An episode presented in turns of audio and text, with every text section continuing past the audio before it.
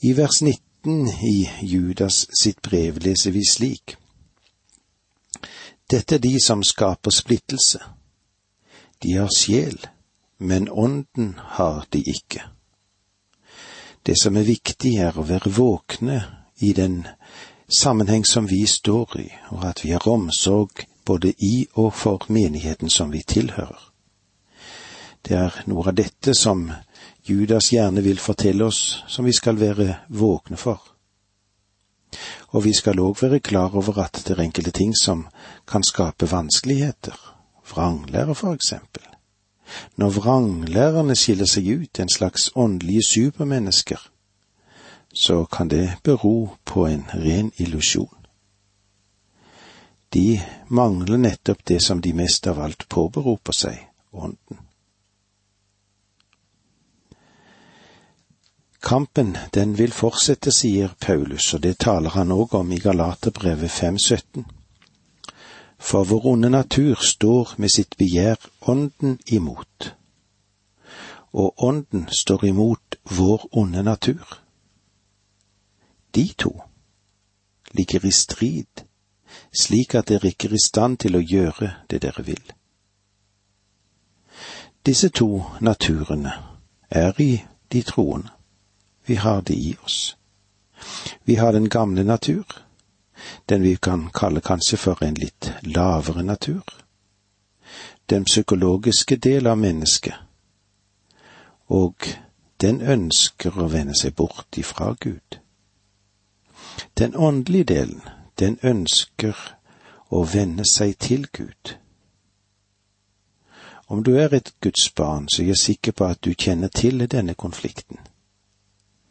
Det er tider da du ønsker å vende deg fra ham, og det er tider når du ønsker å vende deg til ham. Det er av og til som bølgeslag i den kristnes liv, det. Slik burde det kanskje egentlig ikke være. Men uheldigvis må vel de fleste av oss betjene at det er sant om oss. I Første Korinterbrev 1545 taler Paulus om oppstandelsen, og han har dette å si. Det første mennesket, Adam, ble en levende sjel, det vil si det psykologiske. Den siste Adam ble en ånd som gir liv, det vil si en livgivende ånd. Dette er den store forskjellen mellom den første Adam og den andre Adam, eller mellom Adam i Edens hage og den Herre Jesus Kristus på korset. Jesus kom for å gi sitt liv, så han kunne bli en livgivende ånd. Og Paulus fortsetter med å si versene 46 og 47 her i første Korinterbrev 15. Det åndelige var altså ikke det første, men det sjelige. Deretter kom det åndelige. Det første mennesket var fra jorden og dannet av jorden. Det annet menneske er fra himmelen. Dette tror jeg er den store forskjellen mellom Adam før fallet og mennesket i dag som er gjenfødt. Vi blir i dag gjort til Guds barn og bli gitt en åndelig natur med evne til å forstå og kjenne Gud. Menneskets høyeste natur ved begynnelsen var at Gud åndet inn i menneskeneset.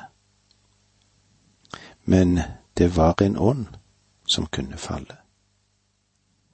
Vi har en natur i dag, den såkalte syndige natur, og den vil vi ha så lenge vi er i legemet vårt, fordi den faktisk kontrollerer dette legemet. Det er den psykologiske siden av mennesket. Det jeg vil understreke her, er at den kjølige del av mennesket drar nedover, og ånden, den drar oppover.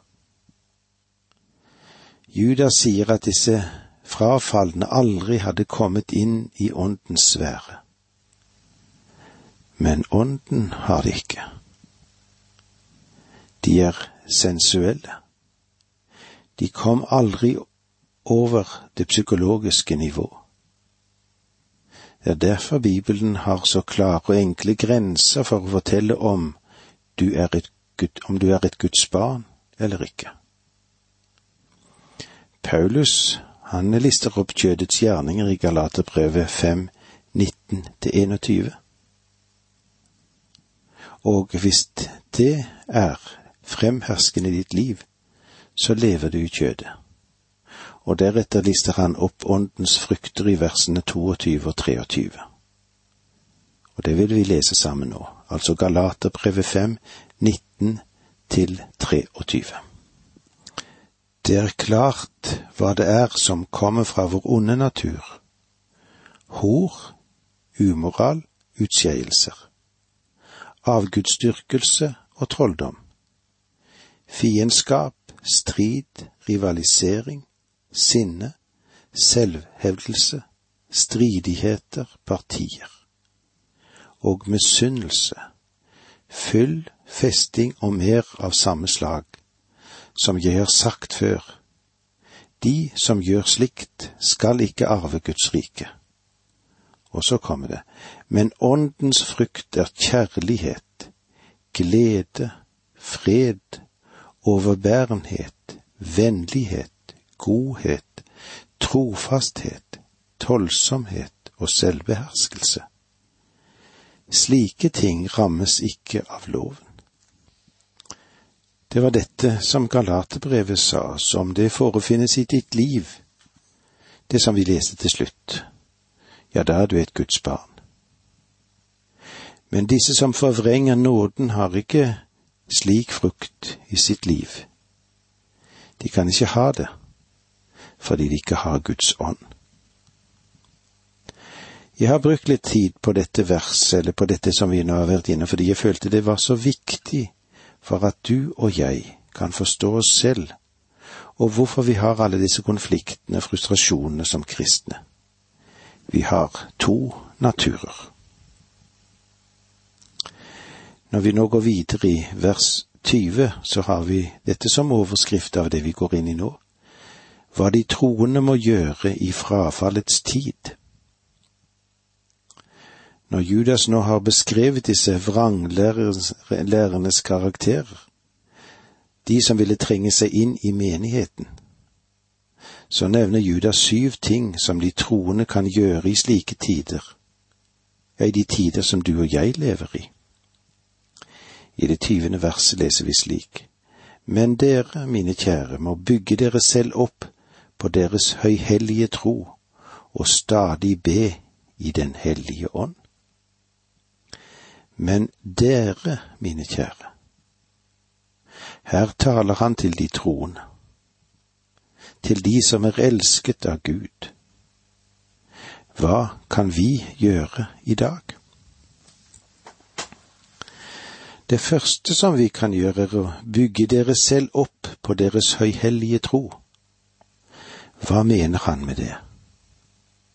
Vel, å bygge seg selv opp på din høyhellige tro betyr at du gransker Guds ord.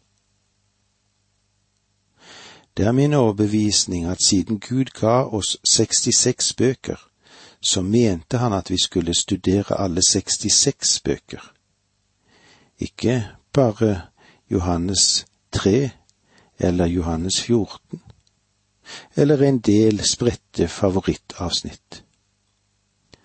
Og hvor mange bibelgrupper som studerer de samme skriftene igjen og igjen. Johannesevangeliet, Romerbrevet, eller kanskje Efeserbrevet og Lukas, da. Og så drister det seg til med det første kapittelet i åpenbaringsboken. Ja, nå må du ikke misforstå meg.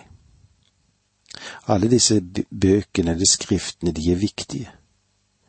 Men så kommer spørsmålet, hva da med resten av de 66 bøkene? Hvorfor studerer vi ikke alle disse? Skal du bygge opp din høyhellige tro, må du ha et totalt perspektiv på Guds ord. Du kan ikke bygge et hus uten fundament, og da må du også sette opp en del reisverk som skal holde taket på plass. og så vil du trenge et tak, og du vil trenge utvendig kledning og isolasjon og innvendig kledning.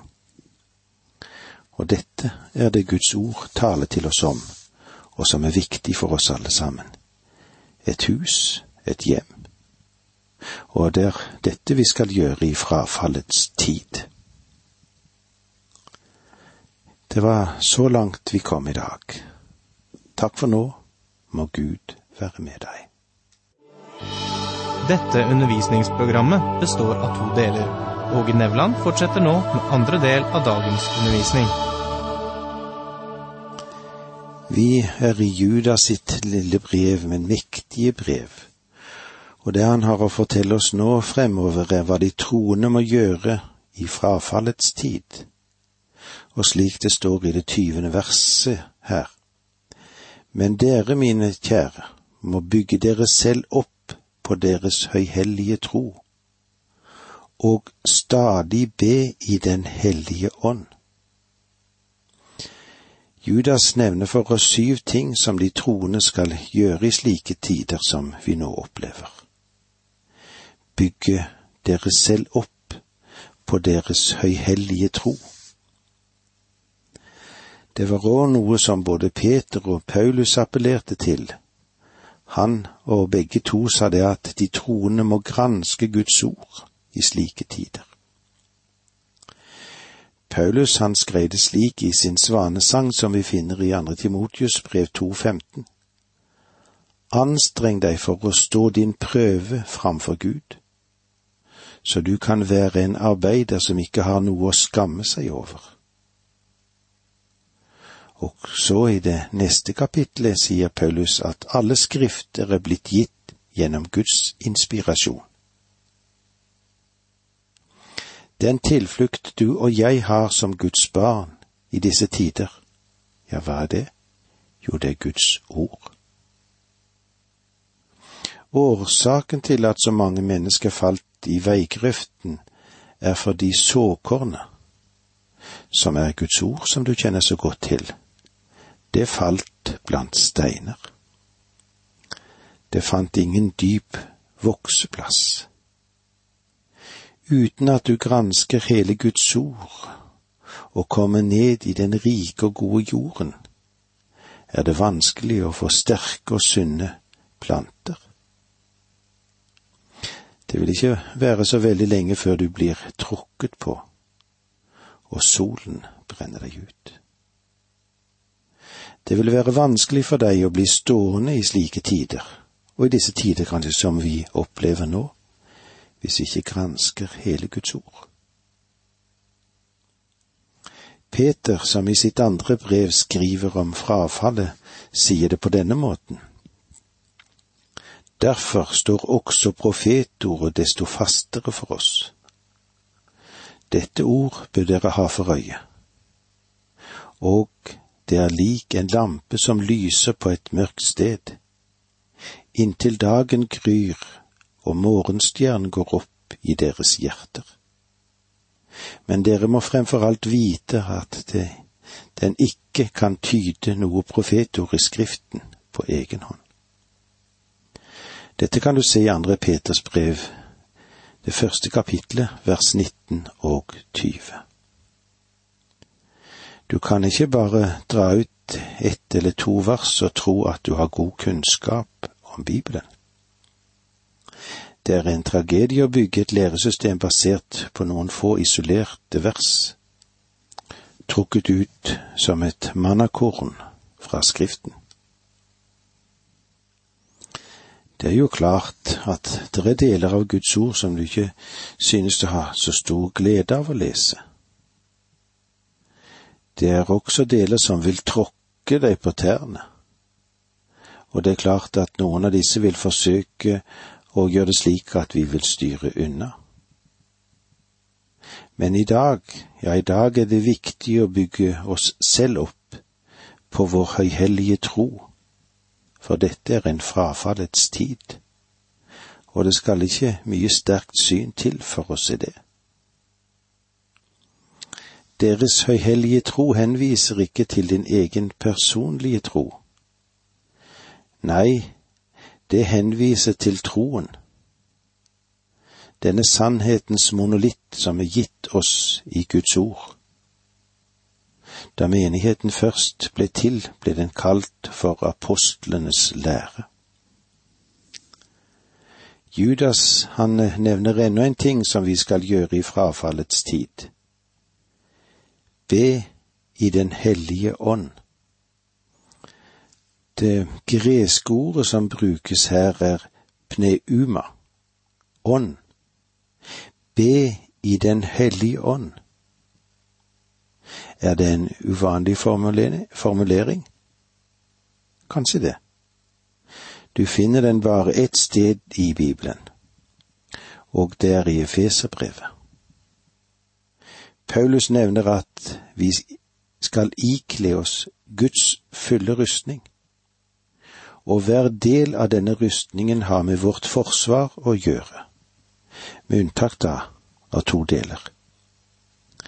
Et offensivt våpen er gjør dette i bønn, og legg alt fram for Gud Be til enhver tid i ånden.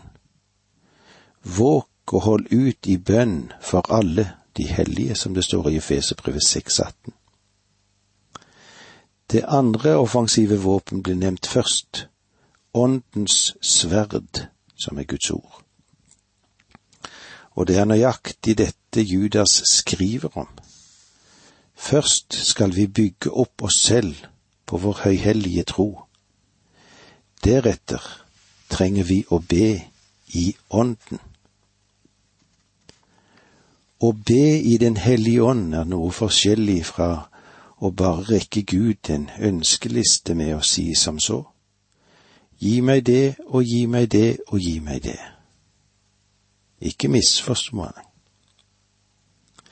Det å be om ting er òg en del av bønnen.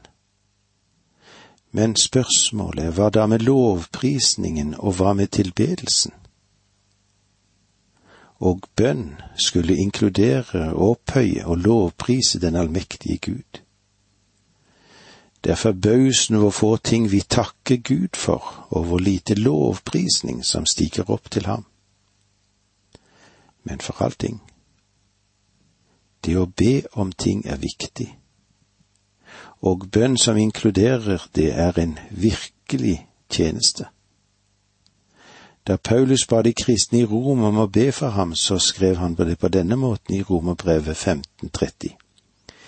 Jeg ber dere, brødre, ved vår Herre Jesus Kristus og ved den kjærlighet som Ånden gir. Kjemp sammen med meg ved å be for meg til Gud. Ordet for å kjempe, agnosie, det vil si stride med alt det som er i deg. Slik skal vi be. Vanskelig, kan du si, det er så, men oppfordringen er be i Den hellige ånd, og dette understreker noe av de tankene som Judas har for oss. Og det er heller ikke rett eller mulig å kunne be rett uten at det skjer i Den hellige ånd, uten at det skjer i hans nære samfunn, i hans ubarmhjertige skarpe lys som våker over synder, må vi be i ånden. Ved at han stadig gjør Jesus stor og uunnværlig for oss. Og så utruster han oss med sin kraft og rike gaver. Å be i Den hellige ånd, det betyr at vi ber om hjelp av Den hellige ånd. Vi er avhengige av ham. Paulus skrev det slik i Romerbrevet 826. På samme måte kommer også Ånden oss til hjelp i vår svakhet. For vi vet ikke hva vi skal be om for å be rett. Men Ånden, selv går i forbønn for oss med sukk som ikke kan uttrykkes i ord. Du og jeg vet faktisk ikke hva vi skal be om. Vi er som små barn. Når jeg er med noen av mine barnebarn i forretningen, ja, da kan de ønske seg så mange ting, ja, alt mulig rart.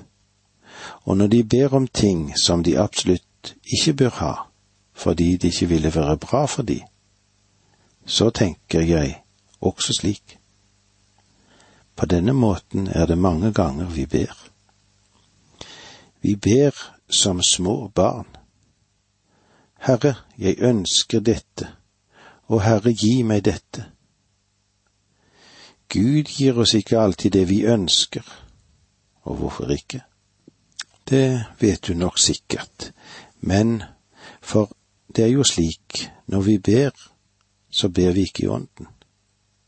Det vi trenger å lære, er å la Den hellige ånd gå i forbønn for oss, Han som vet hva vi trenger. Vi trenger nok å stille Jesus det samme spørsmålet som disiplene gjorde den gang. Herre, lær oss å be. Vi trenger virkelig å be disse bønnene òg i frafallets tider. I vers 21 står det slik:" Hold dere i Guds kjærlighet mens dere venter på vår Herre Jesu Kristi miskunn, som gir dere evig liv.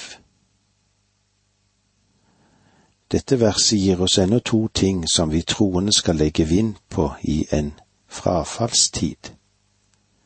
Hold dere i Guds kjærlighet. Det var det ene.